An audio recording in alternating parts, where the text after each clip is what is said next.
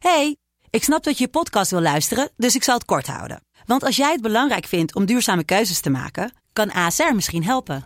Nou hoor ik je denken, hoe dan? Nou, bijvoorbeeld bij het duurzaam herstellen van schade. Of de premies die we beleggen volgens ons duurzaam beleggingsbeleid. Dat bepaalt waar we wel en juist niet in investeren. Wil je meer weten over welke duurzame keuzes ASR maakt? Ga dan naar asr.nl slash duurzame keuzes. ASR doet het. Zo, dan kan je nu lekker naar je podcast luisteren. Hey, ik snap dat je je podcast wil luisteren, dus ik zal het kort houden. Want als jij het belangrijk vindt om duurzame keuzes te maken, kan ASR misschien helpen.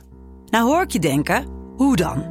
Nou, bijvoorbeeld bij het duurzaam herstellen van schade. Of de premies die we beleggen volgens ons duurzaam beleggingsbeleid. Dat bepaalt waar we wel en juist niet in investeren.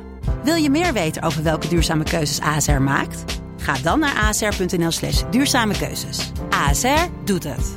Zo, dan kan je nu lekker naar je podcast luisteren. Ik heb een tijdje in mijn Dit is Mand, de kortste podcast van Nederland. Vandaag gaan we het hebben over TikTok. Ken je TikTok? is een social medium, toch? Nee, nee, het is een horloge. Nou goed, natuurlijk is het een social medium. Oh. Ken je TikTok? Ja. TikTok vroeger. Het was een tik-tak, tik-tak, tik-tak. Een tv-programma, hè? Super oud. Ken je ook het spel, ook iets met tik? Een bordspel, tik. Trick-trak. Triktrak. Je hebt zoveel dingen met dubbel T.